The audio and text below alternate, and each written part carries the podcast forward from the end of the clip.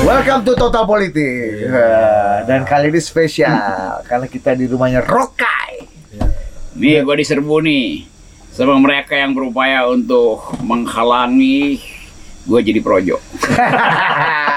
eh tapi banyak lu ya agak ya agak senep juga lu bilang eh, Hmm. lu kan ngaku lu pendiri projo nih kan. Iyalah, wong Bari- Barisan-barisan projo di akar rumput ini agak-agak Muni itu juga. temen gue tuh dari soal zaman eh, demo terus hak asasi manusia ideolog projo namanya Daniel Hutagalung itu temen temen ngoceh-ngoceh eh, ngaco itu jadi projo itu sebetulnya bukan organisasi dia adalah hobi itu kumpulan hobi yang berupaya memparodikan politik kemudian jadi formal karena ada Pak Jokowi gitu sebetulnya Oh yang jadi yang anggap Projo ini eh, Hmm. serius Normal. Pak Jokowi. Ya Pak Jokowi menganggap projo ini penting.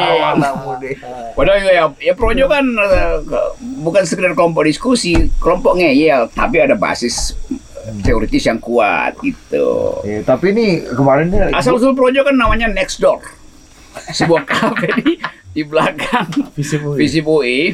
Tempat ini nih, kuya-kuya semacam ini nih, ini si, si Ari. Next idea Eh, untuk melahirkan next leader. ya. Dulu kita ingin supaya ada next door, next political door gitu. Tapi doornya dikunci oleh threshold 20%. Nah itu itu ngaconya di situ atau ngeheknya di situ. Eh, tapi masalah projo nih ya bos ya. Ya. Kita nih datang ya ya ke kemarin Rakernas Projo dan Oh ini Magelang ya. Iya dan dan banyak banyak analis politik bilang ini game changer dalam politik Indonesia karena di situlah gestur penting presiden eh, di bidang politik ya untuk Hmm. politik kita itu pertama kali ditampakkan lah setelah pemilu 2019 tuh. Ojo ojo ke susu. Oh tentu aja. yang ketiga. Yang ketiga. Berapa kali tadi ya? Ya, tiga kali, empat Iya, kali. iya, lah. pokoknya banyak lah. Ya Pak, Pak Jokowi kan bagaimanapun eh, dia udah tujuh tahun, artinya dia udah ngerti psikologi politik manusia itu. Siapa yang ingin eh, bujuk-bujuk dia, siapa yang eh, sekedar jilat-jilat, itu kita mesti hargai dari eh, presiden kita. Tujuh tahun itu artinya pelajaran eh, politiking itu udah di luar kepala Pak Jokowi. Karena itu Pak Jokowi selalu merasa eh, tune in dan eh, diterima di dalam eh, comfort zone-nya dia. Projo itu comfort zone-nya Pak Jokowi dari awal. Dan Muni teman baik saya tentu tahu permainan bukan jangan pakai istilah permainan. Eh, Hati-hati juga. Iyalah itu kan nanti jangan main-main. Tuker tambah psikologinya. Bahasa halus, gitu. pertama psikologi Kalau Jadi, udah udah mulai mentok dirumitin sama dia kan. you cannot convince them Jadi confused dah. confuse them Confused dah, gitu. Oh, Muni bagian yang yang ahli antara meyakinkan dan membingungkan. Bikin bingung. Confusing dan confusing. Iya. Bikin bingung kawan maupun lawan ya. Itu. Tapi Pak Jokowi kemarin di Projo itu bikin bingung apa bikin eh, ini eh, apa namanya Clear. clear. Dia bikin clear bahwa sebetulnya mereka yang berupaya untuk menempel pada Pak Jokowi itu belum final cara cara cara nempelnya itu kayak perangko itu masih separuh yang nempel tuh.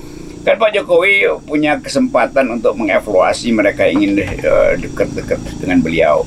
Tapi kita percaya bahwa politik Indonesia itu kan selalu mesti dibaca dengan simbol-simbol kebudayaan Jawa. Dulu bahkan Ben Anderson yang terkenal buat membuat teori cara membaca kebudayaan Jawa dengan fasilitas kultural. Sebelumnya ada orang namanya Clifford Geertz. ya Clifford Geertz itu Herbert Fay. Lebih enggak yang lebih kultur Jawa itu eh, Sumar Said ya. Yang sebetulnya dia dari Cornell juga. Walaupun dia S2 tapi orang anggap bahwa pikiran atau tesis dari Sumar Said itu yang jadi dasar untuk analisis-analisis kultural eh, politik Indonesia gitu. Ini agak terus sedikit ya. Kan lu sebagai eh, sosiolog anak UI kan. Pernah. Iya, ya, lu lu uh, bukan pernah. Lu mengerti itu, yang nggak mengerti uh, fisip UI sekarang tuh. Beda. Oh, Alumninya paham. Ya. iluninya iluninya. Iluninya jadi bagus sekarang kalau ada Muni. Dukung Muni ketua Iluni UI tiga periode. Kalau Muni mah 13 periode kita dukung. Indonesia selamat. Iya, tapi belum turun panggung. Apalagi buat yang mesti dikomentari hari ini. Ya ini yang juga heboh itu soal eh, rendang Hmm. babi itu. Ya itu kan dihebohkan karena pengkalimatan. Ya rendang enak, babi enak. Itu kan tinggal milih aja sebetulnya. Buat mereka yang eh, haram ya udah jangan dekat-dekat di situ. Tapi itu selalu jadi apa apa istilah eh, semiotiknya tuh. Jadi eh, unintended result Hmm. dari satu persoalan yang basisnya adalah persaingan politik kan itu bahayanya tuh. Jadi kuliner pun dijadiin bahan politik itu itu bahayanya negeri ini. Kayak nggak ada ide lain tuh. Tuh. Padahal kuliner dimakan aja ya. Iya fungsi kuliner adalah mengembirakan orang bukan membuat orang eh, Tapi dianggap ini, sini semua. tapi dianggap ini nyor penistaan Apa? ini. Ini bagian dari penistaan tradisi dan ya irisan dengan agamanya juga kuat. Ya ngerti bahwa akhirnya karena ada pembelahan di masyarakat, semua isi itu akhirnya diuji dalam pembelahan itu. Hmm. Bahwa seolah-olah eh, yang kita santap itu juga akan membelah eh, ideologi kita kan. Jadi ya memang nggak apa tidak pada tempatnya eh, memakai istilah itu. Tapi itu bukan bukan hal yang fundamental. Yang fundamental adalah threshold 20%. Itu lebih baik. Iya, Bicarakan. harusnya orang yang bertarung di uh, Twitter dan macam-macam itu ya. Ya, itu sebetulnya ya, tuh. fokusnya di hal-hal yang Tapi kan babi ini juga, babi rendang ini juga dampak dari kehangatan berwarga negara yang mulai menurun kan. Nah, artinya ada ada Iya. ada ada satu momentum untuk bercakap-cakap lebih dalam dan lebih intens antar warga negara. Ah, gimana? Iya, tapi itu kan lu waktu lu itu punya di, di- misi Bos. diajukan ke dalam wacana publik, dia justru dianggap sebagai pancingan untuk pembelahan Nah. gitu. Nah, karena itu kita ini kan soal cara memasak tuh. Dulu misalnya di zaman Romawi eh, masakan eh, Kaisar Nero itu dimasak kira-kira tiga minggu tuh karena eh, apa namanya tuh buku masakannya itu buat bikin satu menu itu tuh tuh, 13 halaman segala macam bumbunya tuh. Nah kita nggak tahu di situ apa, apa aja yang dicampur-campur di situ. Mungkin rendang dicampur dengan daging babi, daging babi dipanasin dulu segala macam.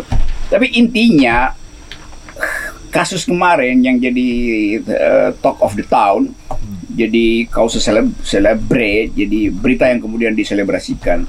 Itu untuk menguji daya tahan eh, bangsa ini sebelumnya tuh.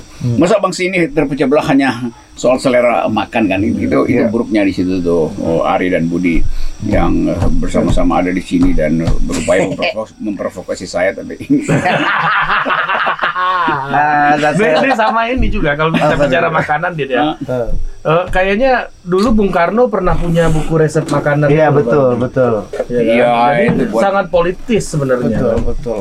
ya memang makanan itu Dan, dan salah satu campaign utama Iya. Pak Jokowi ini Spice of the World Iya, kan the kita politics of food gitu Iya. kan. kan Karena sebetulnya semakin beragam filosofinya begini semakin beragam makanan itu artinya bangsa itu semakin terbuka tuh No.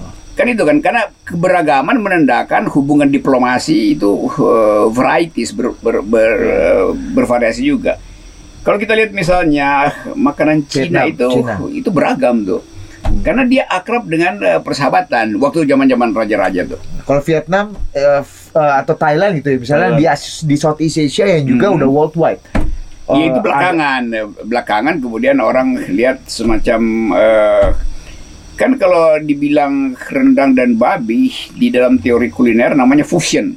Fusion. Ya, digabung-gabung dari beberapa culture ini pasti gue masih ingat-ingat juga nih eh, pengetahuan gue tentang kuliner nih. Iya. Eh, Jadi di, di, di fusion aja. Tapi karena masyarakat kita itu justru eh, fusi artinya disatuin kan. Iya. fusi partai politik. Iya, Iya, iya, fusi iya, iya, itu. iya. Lawan dari fusi teori teori pembelahan atom namanya fission itu. Fusion. Oh, vision. Ya, fusi dan visi, vision itu kan. Karena masyarakat kita melalui vision, difusikan pun nggak mau tuh. Nah. Ah, Kakopon nih. Harmoni. Kalau harmoni apa nih? Harmoni itu bunyi-bunyian yang ada partiturnya Iya, gitu iya. kan. Kakofoni, Kakoponi yang kacau. Nah, jadi kalau uh, utopia, Eh, itu sesuatu, Suatu yang yang- baik yang terbayangkan di masa depan. kalau kakotopia, kekacauan yang akan datang di masa depan yang terbayangkan gitu kan. ah, jadi Iya. vision ini dan pembicaraan yang hanya dimengerti oleh kalangan terbatas. Emang YouTube ini pada terbatas kita Iya, pikir. benar, benar, Gitu. benar. Kalau yang ngerti semua di Rocky Gorong official aja. Ya, Hersu. Bang, Hersu itu uh, pernah uh, membahas salah satu produk gua dan Ari ini. Dia bilang gini, ya Ari Putra dan rekannya. Dalam hati gue kayak gue lebih lama kenal sama Roka. Halo bang, kenalan bang, nama saya Budi Adi Putro. Senior. San, senior. Hai Sumur Arif. Ah, yang mulia. Ya, mulia Pemret.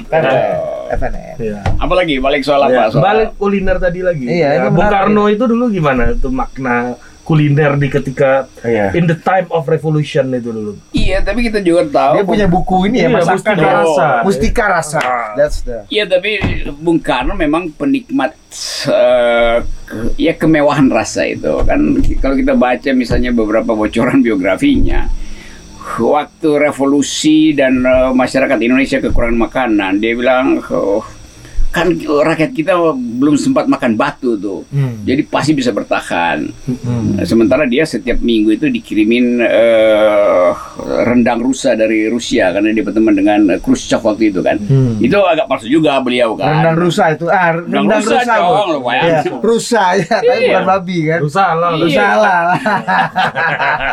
Jadi masalah ini Memang. objeknya ini bos apa yang direndang. Iya, iya, iya. Pasti begitu kan Presiden eh, Soekarno kita tuh selain dia penggemar eh, Iya. keindahan juga penggemar. Iya. Ya dia dia menggemari makanan-makanan yang eh, bermutu tuh. Tapi pada waktu itu kita kasih kritik, bukan kita sebenarnya sejarah, sejarah kasih kritik. Sementara rakyat Indonesia antri eh, apa dulu tuh, dan bulgur itu. Iya. ah, Inflasi sekian ratus Iya, persen itu 16 ya. persen. Beliau tetap dapat kiriman makanan enak dari Rusia. Nah, bukan dari Putin ya, kalau dari Putin dikirimin bom. Eh, tapi Putin populer bos di sini bos. Ya kan seperti Menurut kata anda. kan. Iya. survei Survei milenial. Iya. Di kaki Gunung Elbrus. Bruce ya. Gunung aja mau dicaplok apa Putin gitu. Bukan hanya wilayah, Bukan tapi gunung pun mau diakuisisi. Udah dijaplok kan. Iya. Gunung Elbrus dulu itu punya Persia. Waktu Rusia eh, menang Persia, gunung-gunungnya pun diambil alih kan. Eh, ya, Loh, itu kan di, di Kaukasia kan perbatasan dengan Persia tuh. Ya, itu masyarakat Muslim di situ. Ya gini, tapi gini Apa? l- logika ya, karena apa? rendang ini kan udah dijadikan kita ini kan glorifikasi dan romantisme kita Hmm. ketika, ketika kita bicara mengenai kuliner Nusantara, rendang udah dijadikan oleh CNN sebagai uh, most. warisan dunia, uh, the, uh, the most uh, delicious. delicious food on earth, Hmm. nah gitu-gitu, makanan paling enak di dunia. Tapi kok tom yum, pho, misalnya yang di kita bicara Southeast Asia aja ya, itu udah di sudut-sudut jalan di Melbourne misalnya atau Bang Ican Lembah ketika berkeliling dunia dia selalu ketemu ada pho gitu ya. atau tom yum gitu. Nyor. Ah, atau misalnya Meksiko, masakan Meksiko ya. Ya, the diplomacy of kuliner ini. Ya, kenapa Iya, makanan yang paling enak di dunia Iya. itu nggak bisa worldwide, Ya, nggak dan- bisa dan tidak digunakan sebagai alat diplomasi oleh pemerintahan Jokowi Iya. gitu. Dan sekarang nih, dan sekarang akhirnya Anda nih, Gue ada jadi gue, gue yang jadi dia. Ya, loh. Anda Karena udah nggak punya sombong. ideas. Anda, Anda, Kepengaruh bos. Anda jangan bos. Tolong bos. Iya pada waktu itu. Bisnis di- kita udah beda bos sama Bang Gersun dan. Bang. Ya kan memang terpaksa mesti dicari makanan yang ya dianggap jadi ikon dari Indonesia tuh. Ya pasti karena di mana-mana restoran Padang gitu kan. Ya. Kalau restoran Manado ya susah itu itu. Iya. Bubur Manado apalagi mantap. Di Calo Lembah yang suka. Iya, apalagi eh, cap tikus Manado itu. Ah, Mana dia? Eh. Tapi memang makanan Padang kan nggak bisa dikonsumsi tiap hari kan, dan nggak bisa dijadikan makanan pembuka tuh. Kalau tom yum bisa jadi makanan pembuka. Ini jadi ini bukan soal branding, tapi Iya. soal eh, habit saja tuh. Saya tetap makan makanan Padang gitu dan ya itu. Meskipun Oyan nggak bisa masak Padang ya. Paling kalau mau naik gunung itu paling bagus sudah pesan makanan itu terus dipisahin eh, lauknya 6 jam kemudian dicampur masih enak. Gitu. Nggak mungkin tom yum kan kita bawa naik gunung. Iya, tapi kenapa kita nggak bisa worldwide gitu, bos? Iya. Apa karena memang susah, terlalu Bukan spicy? susah. Lu jangan pancing-pancing, udah Nah. tahu gua polanya nih. Udah pasti lah itu. itu mungkin bisa kalau tukeran. Kalau eh, Menteri Luar Negerinya Sandiawan Uno, Sandiaga. eh, Sandiawan. Sandiawan itu Romo. Romo, iya, Iya. tuh, tuh. Halo Romo Sandi. Ya. Tapi sama juga, dua-duanya ke inspirasional itu kan. Iya. Kita kita potong buat Bang Sandi ini Iya. Bang. Lalu Ibu Retno jadi Menteri Pariwisata, itu baru bisa tuh. Hmm. Atau digabung di Sandi itu. Karena Bu Retno kan juga... Jadi Menteri Pariwisata Ekonomi Kreatif dan Luar Negeri. Iya itu, ya kalau mau promosi begitu aja kan. Ibu Kan ada Mahendra Siregar, wamen lu kan, yang ngurusin Iya, perdagangan, Mahendra commerce. lalu banyak makroekonomi, perjanjian internasional. Kan nggak bisa kita bikin perjanjian internasional untuk bikin nasi padang itu jadi eh, jadi apa? jadi eh, alat tukar tambah. Ye, dah. Apa lagi? Dah. Ya. Apalagi? Nah, ini ini soal yang prinsipil kita iya. pengen tahu Rocky punya sikap untuk hal beberapa nih. Ini Tentang- satu nih, satu nih Yor, ini baru aja nih eh eh, di rame ya di sosial media dan juga beberapa media mengulas ini terutama S bukan SJW ya, aktivis-aktivis hak asasi Ya manusia. itu SJW. Apa Nah. sih? Oh ini. mengkritisi keputusan eh, tentara yang kembali memecat eh, salah satu tentara yang Oh, ini serius banget beritanya. ini. LGBT ya gitu gimana nih? Menurut lo Kenapa? gimana? Tentara LGBT. Ya, ini katanya udah nggak sesuai dengan semangat eh, hak asasi, semangat demokratisasi. Maksudnya Dan di- dipecat tentaranya yang Ini LGBT. bicara di- di- dipecat setelah ketahuan misalnya LGBT ini bagaimana tentang perlindungan pada minoritas, hak asasi terhadap pemilih. Iya kualifikasinya apa nggak bisa nembak dia itu kan? ya. Ah, Orang dipecat gimana? tentara Da- kan da- dari segi hak asasi dan dari segi eh, penegakan hukum militer ya atau mil- eh, militerisme gimana? Ya kan ukuran kita adalah profesionalisme di dalam eh, kemampuan tembak menembak kan. Jadi LGBT itu kan bukan standar untuk menilai seseorang precision kalau lagi membidik gitu. Jadi ini bukan soal hak asasi, soal ya profesinya itu tidak ada LGBT tidak ada hubungan dengan keahlian menembak. Kan itu itu aja poinnya kan kalau soal hak asasi ya dari awal kita tahu bahwa orientasi seksual manusia itu kalau dia dewasa itu adalah pilihan dia tuh. Kalau buat anak-anak ya pasti karena eh, dia belum belum eh, punya eh, eh, moral clarity atau pilihan moral bagi dia tuh. Jadi dia jadi LBG atau enggak itu LBG itu Nah. Lyndon Ben Johnson. ya bisa dinamain L, LGBT queer itu kan. Eh, Q. Ap- apalagi queer. Queer itu kan kalau misalnya Queer nih apa sih? Syar? Prinsipnya Ya queer artinya dulu kata queer itu artinya eh, tidak penting atau aneh itu queer Oh. itu. Tapi kemudian eh, satu waktu di dalam eh, seminar eh, bahasa dan seksualitas di California mungkin tahun 90 dianggap bahwa queer itu adalah pengalaman real manusia. Dan karena demokrasi harus mengenali setiap pengalaman manusia, pengalaman queer juga diakui sebagai eh, fakta sosiologis saja kan, bukan bukan fakta teologis. Eh, Jadi kita mesti pisahin antara asumsi teologis dan fakta sosiologis tuh. Hmm. Bahwa secara teologis semua agama misalnya menganggap LGBT itu tidak Ya. bukan sesuatu yang normal itu sebagai semacam penyimpangan. Tapi kalau kita anggap bahwa orang bebas untuk menyimpang, ya kita hargai penyimpangan itu karena dia hak hak dia untuk menyimpang. Lain kalau dia penyimpangan itu menyebabkan kriminalitas, misalnya mem- memprovokasi orang untuk jadi eh, LGBT, homoseksuality atau queer dengan paksaan atau dengan iming-iming segala macam itu yang yang eh, bertentangan dengan kebebasan memilih kan. Oke. Jadi itu yang mesti kita pisahkan. Saya ngerti bahwa bulan ini soal itu diungkapkan lagi tuh. Ya. Nah, saya ngajar feminisme, gender equality dan kita ngerti. Eh, bahkan kalau dibilang itu bukan sesuatu yang natural, lo tradisi kita itu justru ada beberapa jenis suku yang eh, mempraktekkan itu. Dan itu tidak hubungannya dengan moralitas, justru itu untuk memperlihatkan bahwa ada dimensi seksualitas yang eh, lebih dari sekedar laki perempuan. Hmm. Misalnya di Bugis itu, di Bugis itu seks itu ada lima nih. Ini perempuan, ini laki, ini perempuan ke laki-lakian, ini laki-laki ke perempuanan, ya ini netral di tengah. Jadi ada lima seksualitas. Netral itu aseksual. Netral, Atau- netral kayak Eh, bisu. tuh. Iya, ya bisu itu justru dianggap sebagai eh, orang yang mengerti eh, maksud alamiah, maksud-maksud alam. Bisa menafsirkan keadilan segala macam. Karena itu dia di posisi di sini. Justru dia yang paling dihormati itu. Hmm. Jadi eh, yang mana? Yang di yang di Tengah tengah ini netral kan. ini ya. Jadi perempuan laki, perempuan ke laki-lakian, laki-laki ke perempuan-perempuanan. Yang ini yang dianggap sebagai eh, mengerti problem dari eh, jenis seksualitas yang lain. Nah kita mesti baca itu sebagai bukan sekedar warisan tapi eh, evolusi peradaban di dalam masyarakat suku itu yang panjang itu. Dan itu datang jauh sebelum Indonesia dihuni oleh agama-agama Ya. eh, samawi kan. Jadi dia lebih lebih antro lebih arkeologis dibanding agama-agama sekarang tuh. Ya.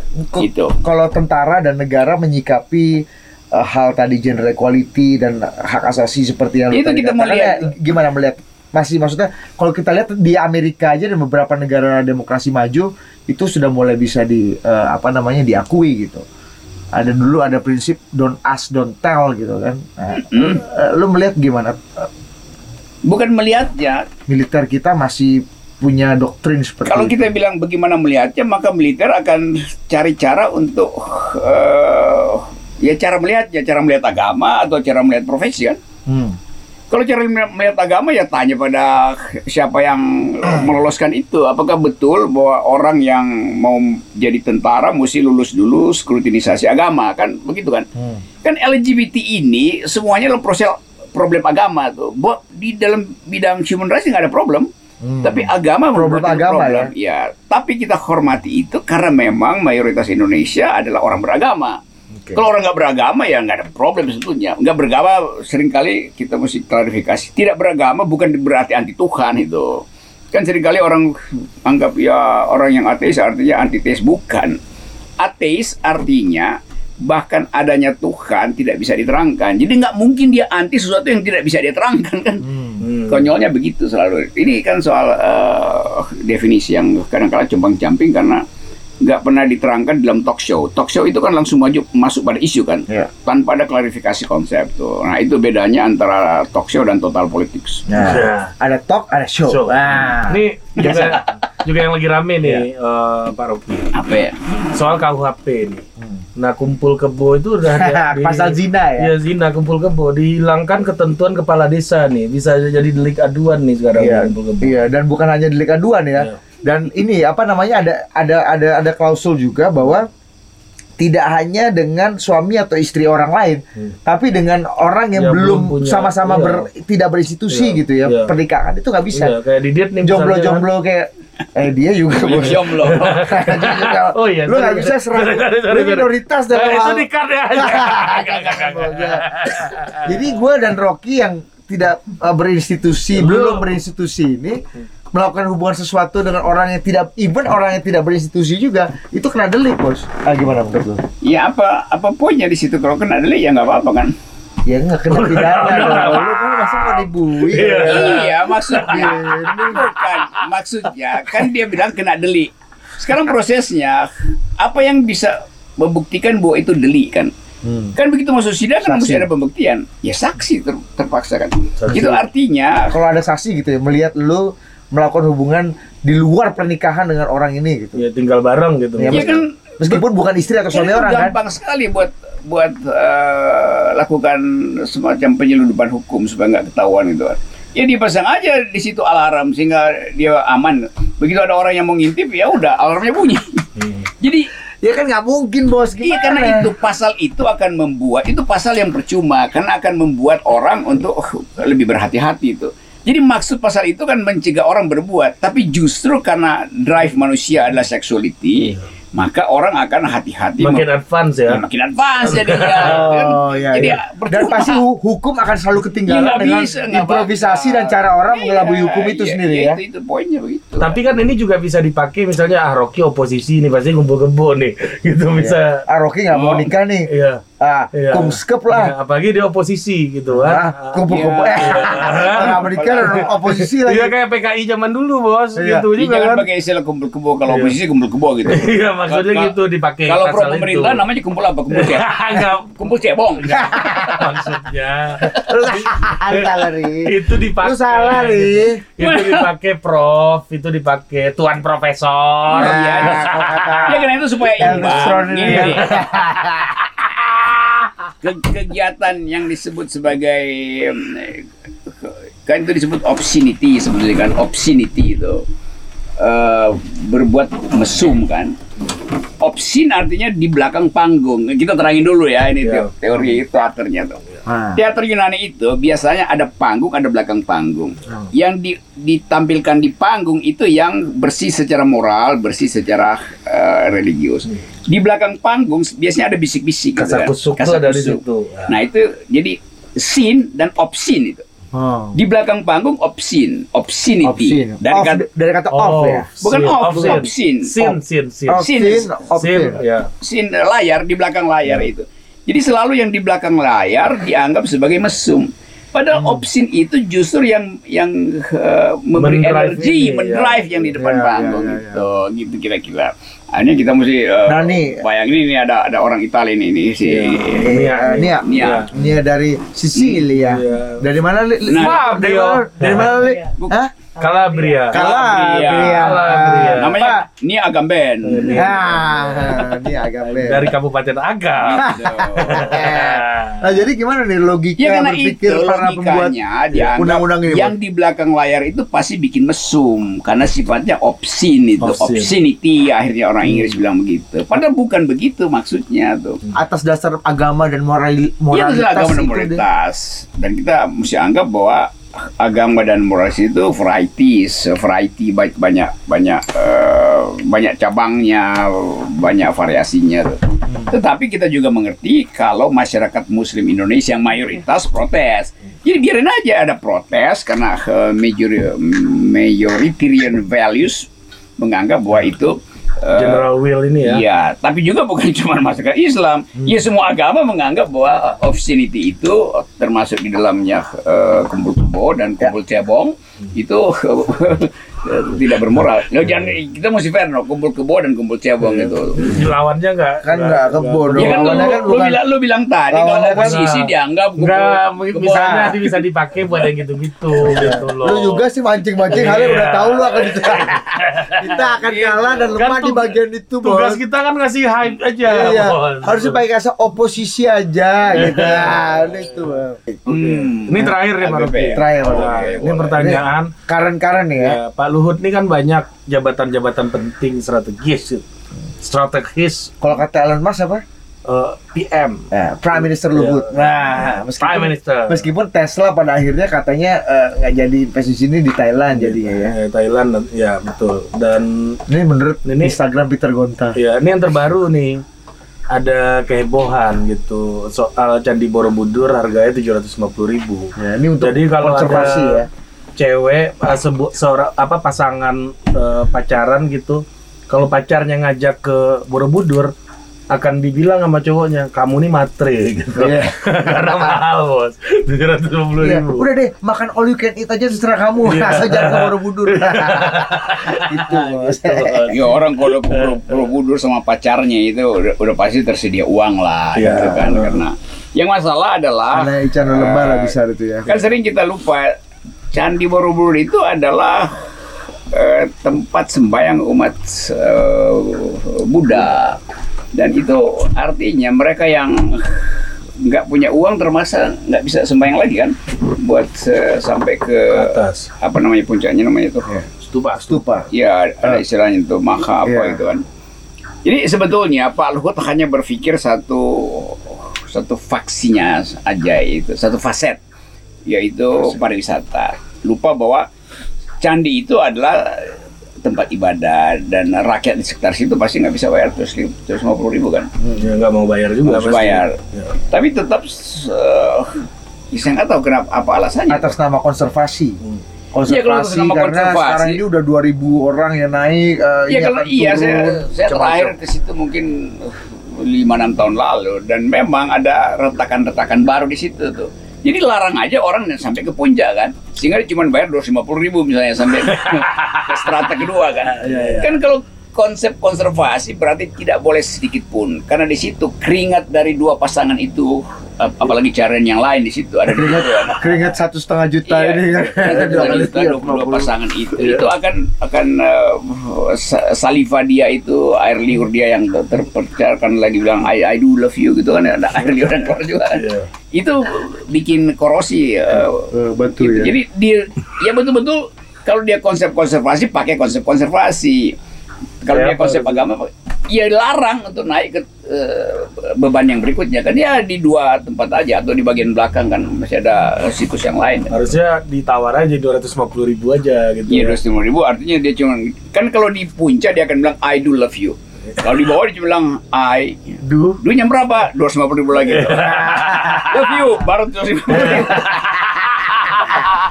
gitu. Ah, Oke. Tapi Pak LBP memang lagi bikin banyak sensasi dan dia dapat 27 jabatan presiden. Artinya presiden memang udah nggak percaya yang lain kan. Gitu. Ah, oke. Nah saya sendiri Tapi ingin soal tiga periode bukan Pak LBP lagi yang eh, eh, menginisiasi di publik lagi nih. ya ki- kita Abang lawan lah. LBP kalau tiga periode kan. Apalagi kita ingin supaya 0% threshold itu. Kalau 0% tidak diiakan, tiga periode diiakan, maka kita akan lakukan perlawanan politik yang saya akan kampanyekan. Namanya Liga Boykot Pemilu, singkatannya LBP juga. Udah tahu model Ini baru kepikiran Iya. barusan. baru kepikiran barusan kawan. Iya, Boy. Yakin gua. Liga Boykot Pemilu.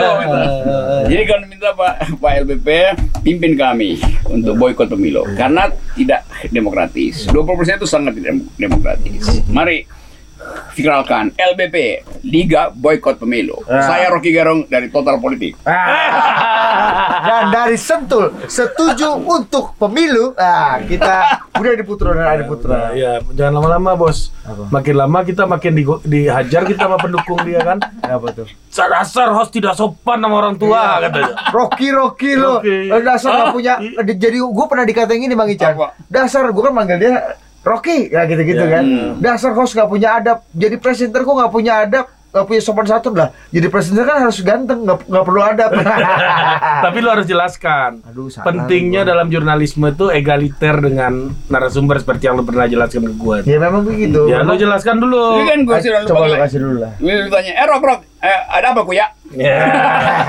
gua panggil Prof. iya betul Pakai V tapi. Yang penting, penting. Basisnya memang kita manggil Pak dan manggil Bang atau manggil Mas itu, Gitu, sebenarnya di harus balik aja pada Shakespeare. What is in the name? What is ini nih? Dari Sentul, setuju untuk pemilu langsung. Nah, karena ada kabar juga nih Nyor. Hmm. Kalau tidak, enggak, Bos. Kalau masih dulu. 20% maka LBP. Enggak, ya. enggak, ada juga nih kawan kita nih. Apa Ini ya? buat buat simpenan juga nih ya. Eh, salah satu wakil ketua umum Partai Gerindra Mbak Sarah Joyadi Kusumo, kawan kita semua, Mhm. mengusulkan udahlah enough is enough. Artinya, Pemilunya ini pemilu langsung nih lebih banyak membuat eh, koruptif eh, apa namanya? oleh karena itu, Tidak sebaiknya indirect democracy adalah jawaban yang cukup baik lah untuk mengoreksi. Yang agak bijak, ya. ya apa le- lewat MPR. Menurut lo gitu. gimana? Ya. Ya. apa pun untuk presiden, untuk pilkada, terutama untuk pilkada. ya. Iya bisa aja dan mesti ditambahkan. Ini karena Indonesia terlalu luas, maka lebih baik eh, dipecah aja jadi negara bagian gitu kan. Supaya betul-betul setiap negara bagian itu milih secara eh, demokratis kan. Jadi kita bikin persemakmuran Indonesia. Ya itu sama kan.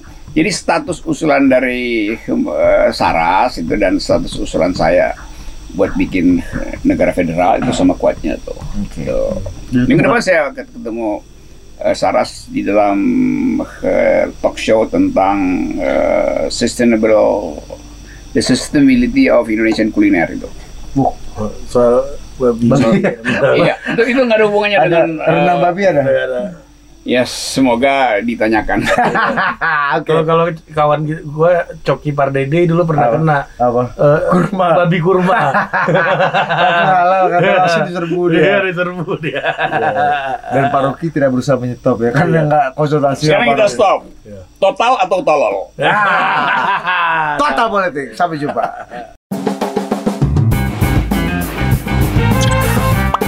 Thank